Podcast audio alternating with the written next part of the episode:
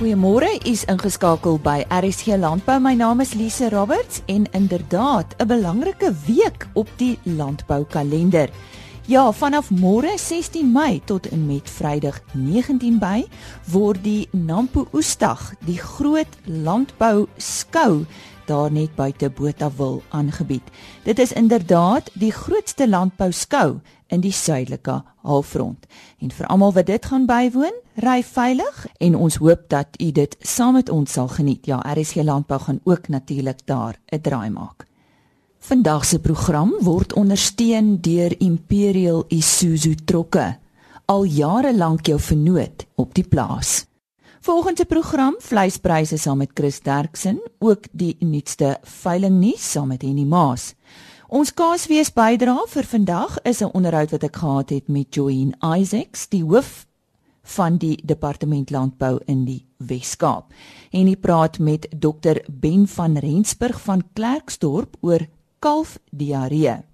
En professor Bernard Slippers van die Universiteit van Pretoria se Instituut vir Bosbou en Landbou praat oor hulle navorsing waarmee hulle ook tans besig is. 'n Lekker vol program, so bly ingeskakel. En nou eers veilingnuus. Op die 17de Mei hou Leon Lisa Bosmara se veiling by Twyfelhoek Slurry. 200 koeie en kalvers, 50 dragtige koeie en verse 20 bons Mara bulle 2 tot 3 jaar oud word opgevuil deur Karoo Oes Vryburg. 'n Spesiale speenkalf stoorkoei stoor lam en slagvee veiling vind op die 23ste Mei plaas by die Royal Auction Centre Frankfurt. BKB Louet is die afslaers. Die eerste produksieveiling van Considerata South Africa Drought Masters. Die vind op die 23ste Mei plaas by die Afridome in Parys. 25 bulle, 35 koeie. SAM Auctioneers is die uh, veilingmaatskappy en die afslaer Johan van der Nest. Die derde Bradford Nasionale Veiling vind op die 25ste Mei plaas by die Bullring Davol Ermelo. 20 stoet bulle en 80 vroulike diere, dragtig of met kalf, word opgeveil. Dan ook op die 25ste Mei die oppas na die noorde IV sentraal streek se Brangus veiling vind op die 25ste Mei plaas soos ek gesê het. By die Parys Afridome 35 bulle, 100 vroulike diere. Jan Mostert is die afslaer en die maatskappy BKB Louet. Op die 17de Mei is daar die Stelena 10de produksieveiling by Nooit Gedagte Oranjewil. Daar is 45 geregistreerde ramme, 15 stoetoeie, 100 kommersiële oeye en dit word aangebied deur BKB Louet. Tot sover dan veilingnuus. Ek het by vanjaar se Suid-Afrikaanse Kaasfees by Sandringham net buite Stellenbosch met die hoof van die departement landbou in die Wes-Kaap gesels oor geleenthede soos die Kaasfees om samewerkingsooreenkomste tussen die Wes-Kaap Departement Landbou, die MPO en Agri Expo onder andere te vestig. Haar naam is Joeen Isaacs.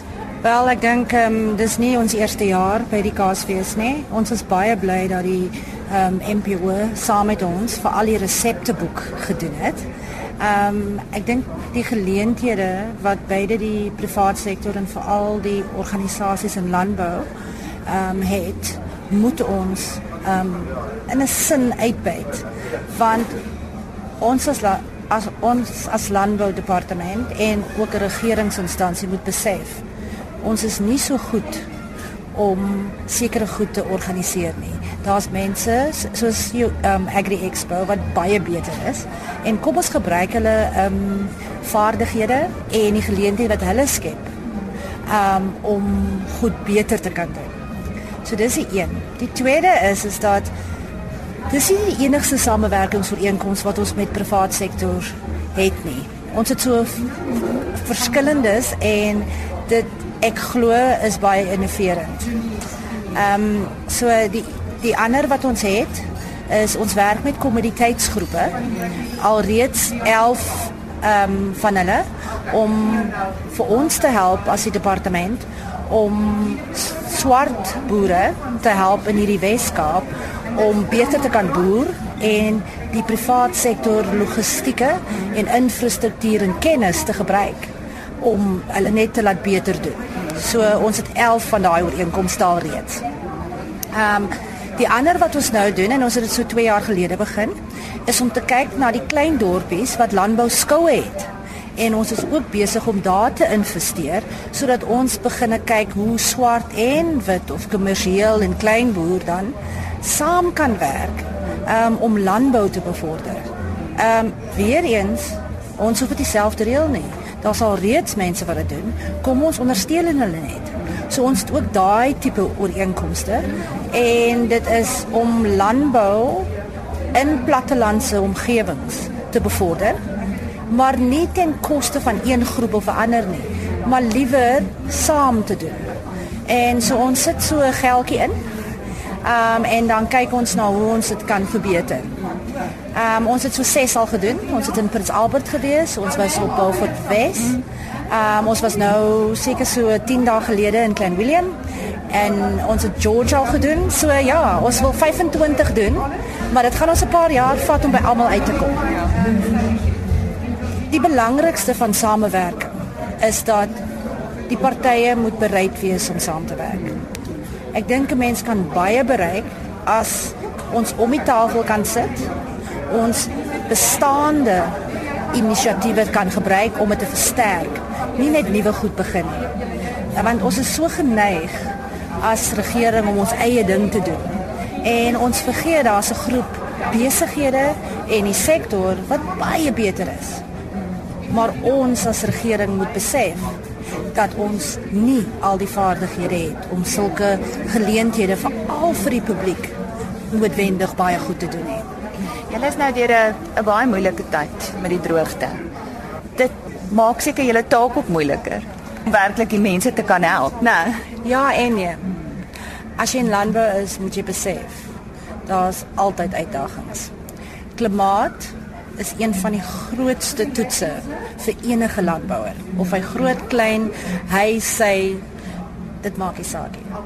En die departement, omdat ons in die landbou is, verstaan dit dis nie altyd maklik nie.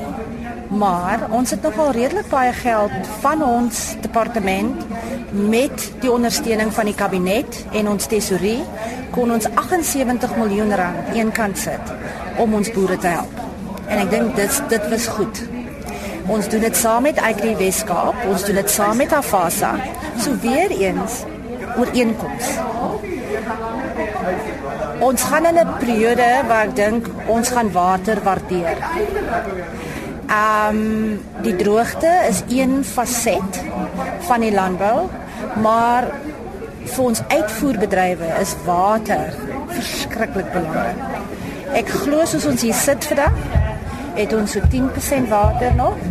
Ehm um, en ons groot reën verwag ons eers in Mei maand. En dit maak my nogal redelik ehm um, kriewelrig. Ja. so maar maar ek dink die uitdagings is daar, maar maar maar landbou en klimaat gaan hand aan hand. So jy kan nie die twee van mekaar skei nie. Party jare het ons baie goeie jare en party jare sukkel ons. En dit is hoe ons as departement van landbou planne met die boere maak om goed aan te spreek. Die stem daarvan die hoof van die departement landbou in die Wes-Kaap, Joeen Isaacs. Chris Derksen staan gereed met sy weeklikse vleispryse van 'n veiling in die Noord-Vrystaat en die datum van hierdie veiling was Dinsdag 9 Mei. Chris? Môre die belangrikste is dat speenkalle so geweldig hoog in aanvraag is as gevolg van die vreeslike daling in die mieliepryse. Die ander pryse is taamlik konstant, maar die goed wat mielies nodig het om vet te word is natuurlik dan dadelik duurder. Gee vir die presiese pryse speenkalle onder 200 kg R33.87 per kilogram lewendig. Dan van 200 tot 250 kg R34.36 en oor 250 kg R31.53.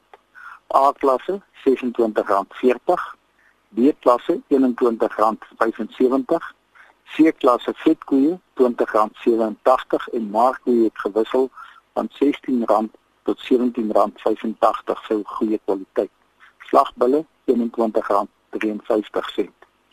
en van die skaapmark, stoorlam R34.04, slaglammer R32 presies, maaroe R23 en vetoe R24.85 per kilogram. Indien ons van enige verdere hulp kan wees, skakel maar enige tyd na 08280 75961. Baie dankie. Dankie ook aan Chris Derksen met sy weeklikse vleispryse wat hy aan ons deurgee. Biotehnologie word wêreldwyd ingespan teen indringer insekpla wat boomplantasies in die bosboubedryf vernietig en reuse ekonomiese verliese teweegbring. In Suid-Afrika staan Universiteit van Pretoria se Instituut vir Bosbou en Landbou Biotehnologie, beter bekend as FABI, aan die voorpunt van navorsing oor biotehnologie en boomgesondheid. Ek gesels hieroor met professor Bernard Slippers van die departement genetika by Fabi oor hulle navorsingsinisiatiewe. Ek wou by hom weet wat is die omvang en impak van die probleem met indringerpla op die bosboubedryf wêreldwyd en dan ook hier plaaslik. Dis 'n goeiemôre en dankie vir die geleentheid om om met jou te gesels hieroor. Ja, dit het 'n geweldige indruk op bosbou ehm um, wêreldwyd.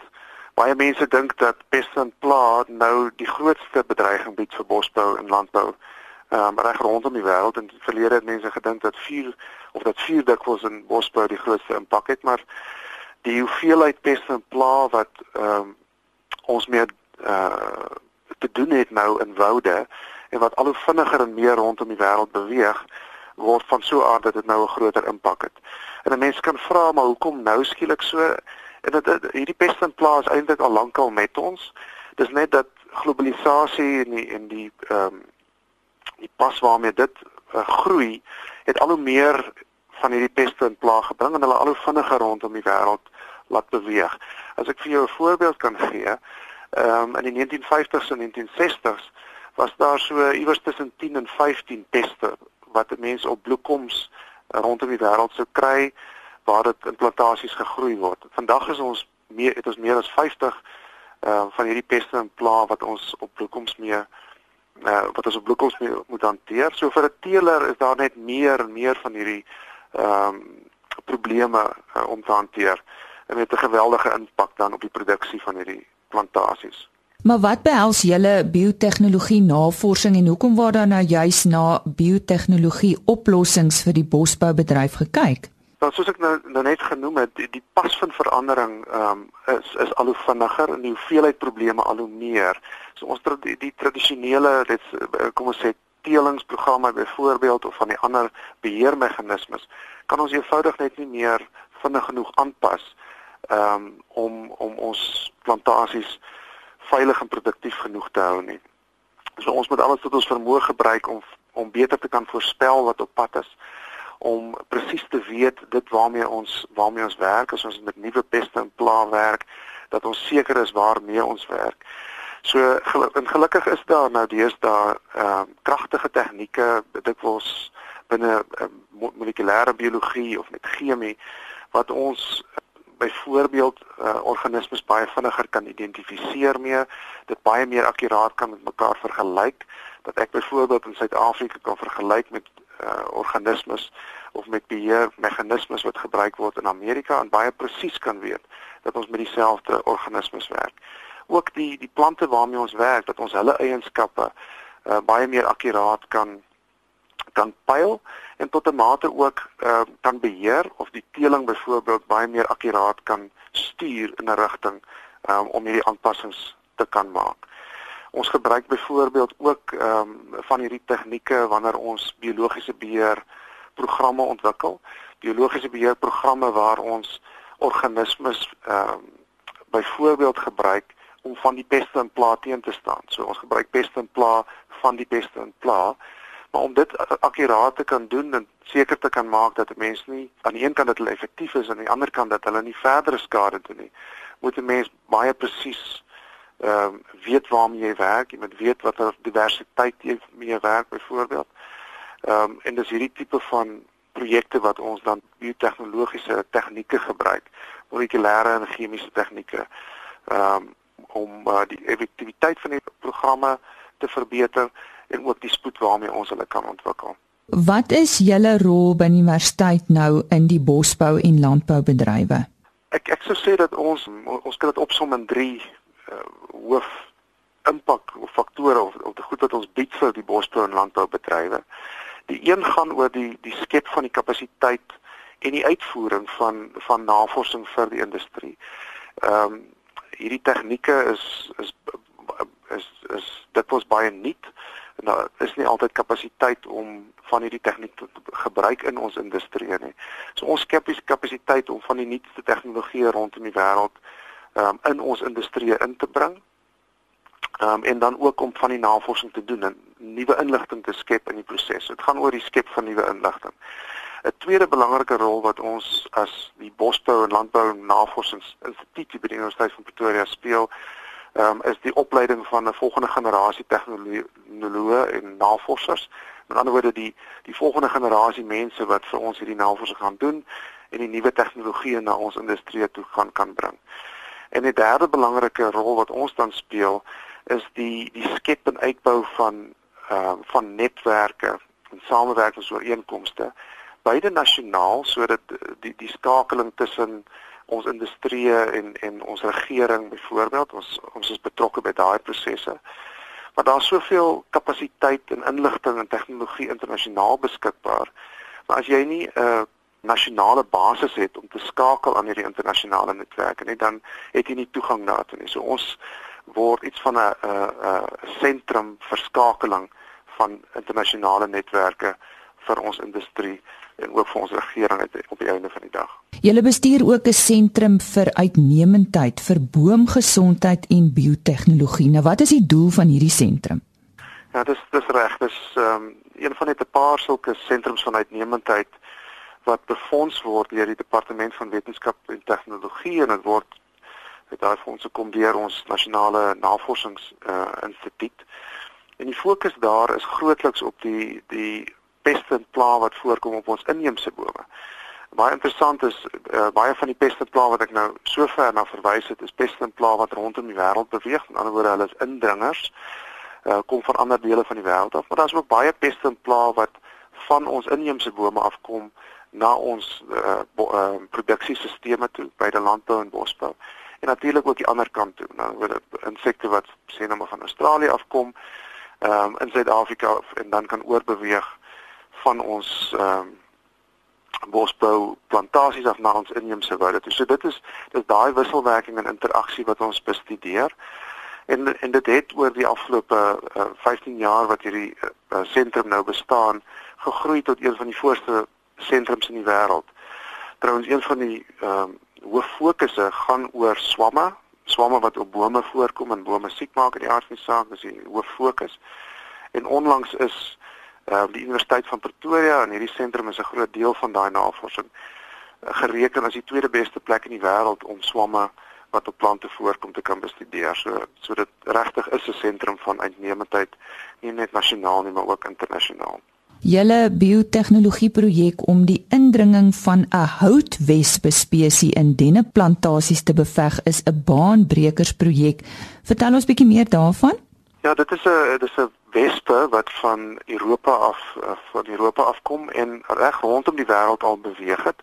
Sedert die mid 1990s het dit in Suid-Afrika aangekom en dit maak 'n uh, groot denneboom uh, baie vinnig dood. So hierdie wespe lê sy eiertjies binne in die binne in die hout en binne 'n paar maande kan 'n denneboom um, doodgaan. Daar was inderdaad waar daar uitbrake van hierdie was in Suid-Afrika uh, het ons letterlik miljoene bome in 'n jaar verloor en en honderde miljoene rande.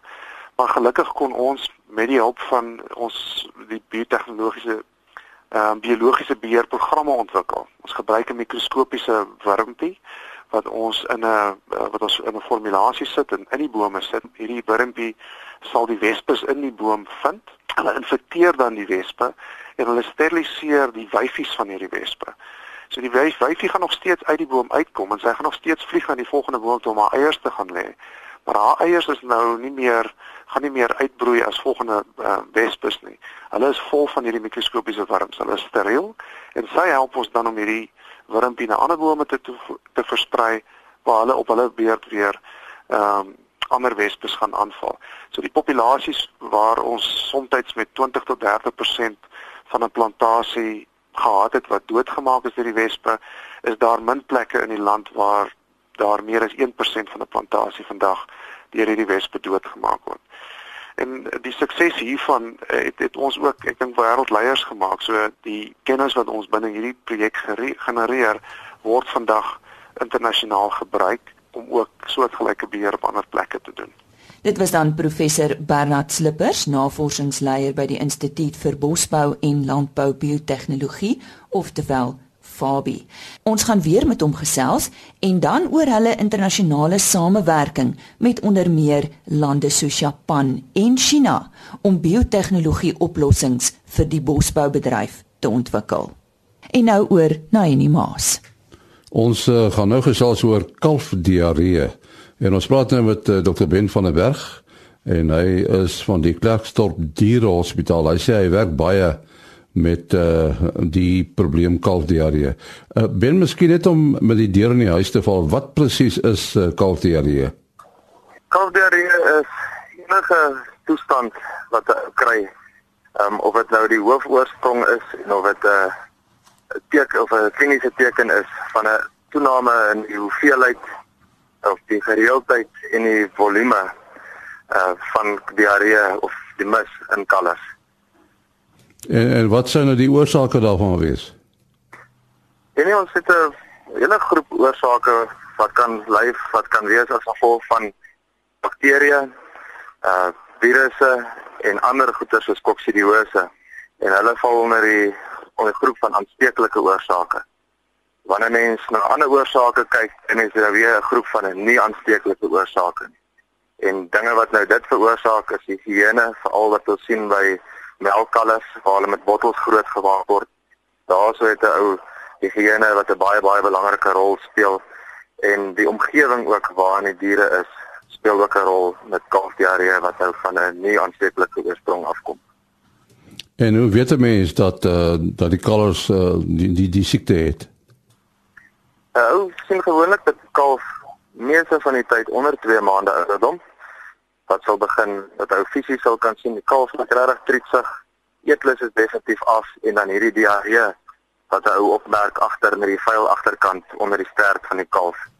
Um, om die oorsaak vas te stel moet hy definitief in die in diepte na die ding gaan kyk en vasstel sit ons met 'n moontlike virus, sit ou moontlik met 'n bakterie of is 'n omgewingsding.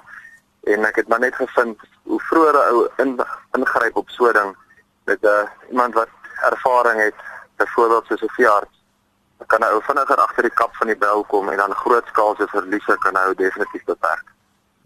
En en hoe sou mens so iets be, uh, behandel as dit uh, iets soos aktiewe koolstof? Aktiewe koolstof speel wel 'n baie belangrike rol veral wanneer 'n ou na 'n bakterieële oorsaak kyk van 'n diarree waar baie gifstowwe vrygestel word. So die beste in my ervaring is met dat 'n ou 'n kweking kan doen vir hierdie mis van die kalvers agter die kap van die bel kom sit ons met watter tipe bakterieë en dan daarvolgens besluit hy op die antibiotika wat vir daai plaas en daai kalf spesifiek goed werk. Antibiotika kort ons om hierdie kiem dood te maak En as gevolg van hierdie kwai dehydrasie wat jy nou sien met hierdie diarree, die kalf wat vreeslik ontwater, is baie belangrik om die vloeistof terug te sit in hierdie dier. Vloeistof sowel as elektrolyte is baie belangrik om terug te sit want 'n ou kan akute vrektes oorkry met 'n vreeslike hoë infeksie ehm um, wat hierdie kalf kan kry van die kitas. Ja, as mens die woord antibiotika hoor, dan dink mense aan weerstandigheid. Daar's nog nie daai probleem nie, né? Nee, nee, ons het met 'n probleem eintlik hier in ons area die Noordwes is daar baie van die goed wat 3 jaar, 4 jaar terug gewerk het wat die mense wat ons gespuit het wat ewe skielik het ons nou stamme van E. coli bakterieë wat niks meer voorwerk nie. So hoe ou nou hierdie goed probeer keer is hierdie kwekings wat ons doen, toets ons die antibiotika wat ons gebruik. Ons het 'n lys van 12 antibiotikas wat die laboratoriums vir ons toets en dan is daar nogal skrikwekkend baie van die bakterieë wat weerstandig is teen goed soos die sulfas en die terramycins, oxytetracycline wat ons oor die jare so gespuit het. So uh ons sien dat daai kalvers trek definitief nog steeds. So as jy 'n antibiogram het, dis wat ons hierdie toets noem, dan vat dit dan gebruik 'n ou uh, 'n jaggeweer om hierdie ding dood te maak in plaas van 'n halgeweer dat 'n ou net rond en bond skiet en nie regtig raak skiet nie. En uh, is daar iets wat 'n mens kan doen om om die weet die siekte te keer? Ja, nee, ek dink uh, die om terug te kom dit, na hierdie jaggeweer ding toe. Ehm um, as jy nou eers 'n probleem het, jy is dan behandel ons met die spesifieke antibiotika, maar voorkomend is baie goedkoper as wat 'n ou nou al die laboratoriums moet inbring en die verduurste antibiotika op die mark hoef te koop. So um, vir die mense wat in die melkindustrie in is, is dit baie belangrik die higiëne. Dat daai kalvers wat op die bottels groot gemaak word of selfs met die emmersisteem nog. Dit is higiëne. Daai emmers moet skoon wees. Die popstene moet gesteriliseer wees soos 'n ou met 'n kind sou gemaak het in ou se eie huis. Die melkkwaliteit wat 'n ou daai kalf ingee, dit eerder maar dit skoon, gesonde vars melk wat ou vir hom ingee of 'n dienpoeiermelk wat met skoon water gemeng aangemaak word. En dan ook ehm um, dan dis maar die belangrike ding, die bek is die toegang tot die darmkanaal van die kalf. So as ons veil goed sommer van die begin af insit, dan gaan hy in daai darm gaan sit en ons gaan definitief met 'n diarree sit. Met meer in die vleisbees opset en maar ook met met die melkkoeë sien ons dat dit dit baie belangrik is om daai koeë eerder te ent in die laaste trimester of laaste 3 maande van dragtigheid van daai koe. Dan maak ons seker dat sy goeie biesmelk vir ons produseer wanneer daai kalf dan begin drink, dan kry hy ordentlike hoë kwaliteit bies in wat dan ook baie help met die kalf dat hy nie so vatbaar is met die organismes wat op daai plaas of in daai area is nie. Ja, die wagwoord is uh, seker sekerlik uh, biosekuriteit, né? Nee verseker uh, daar sou van die bakterieë en virusse en uh, al die dinge wat jy ook maklik kan inkoop in 'n plaas in so ek sou ook sê biosekuriteit is definitief 'n belangrike ding 'n mate van kwarantyne indien moontlik om net bietjie seker te maak ou is nie langtermyn wat net self moeilikheid maak nie. So baie dankie aan dokter Ben van der Berg daarvan die uh, die Klerksdorp Dierehospitaal. Baie dankie Henny en dit is dan die einde van vandag se program. Kom ons kyk vinnig wat u môre te wagte gaan wees. Ons gesels môreoggend finansiële sake met Frans van Eden en hy verduidelik wat is jou finansiële verpligtinge teenoor werknemers. En ons Kaasfees bydra gaan oor die betrokkenheid van die wynprodusent by die Suid-Afrikaanse Kaasfees. Dit is van die onderhoude ons sien uit om saam met u te kuier en geniet Nampo van môre af. Onthou, die hekke open om 7uur. Vandag se program is ondersteun deur Imperial Isuzu Trokke. Al jare lank jou vernoot op die plaas. Totsiens. RSG Landbou is 'n produksie van Blast Publishing. Produksieregisseur Henny Maas. Aanbieding Lisa Roberts en 'n notas koördineerder Jolande Rooi.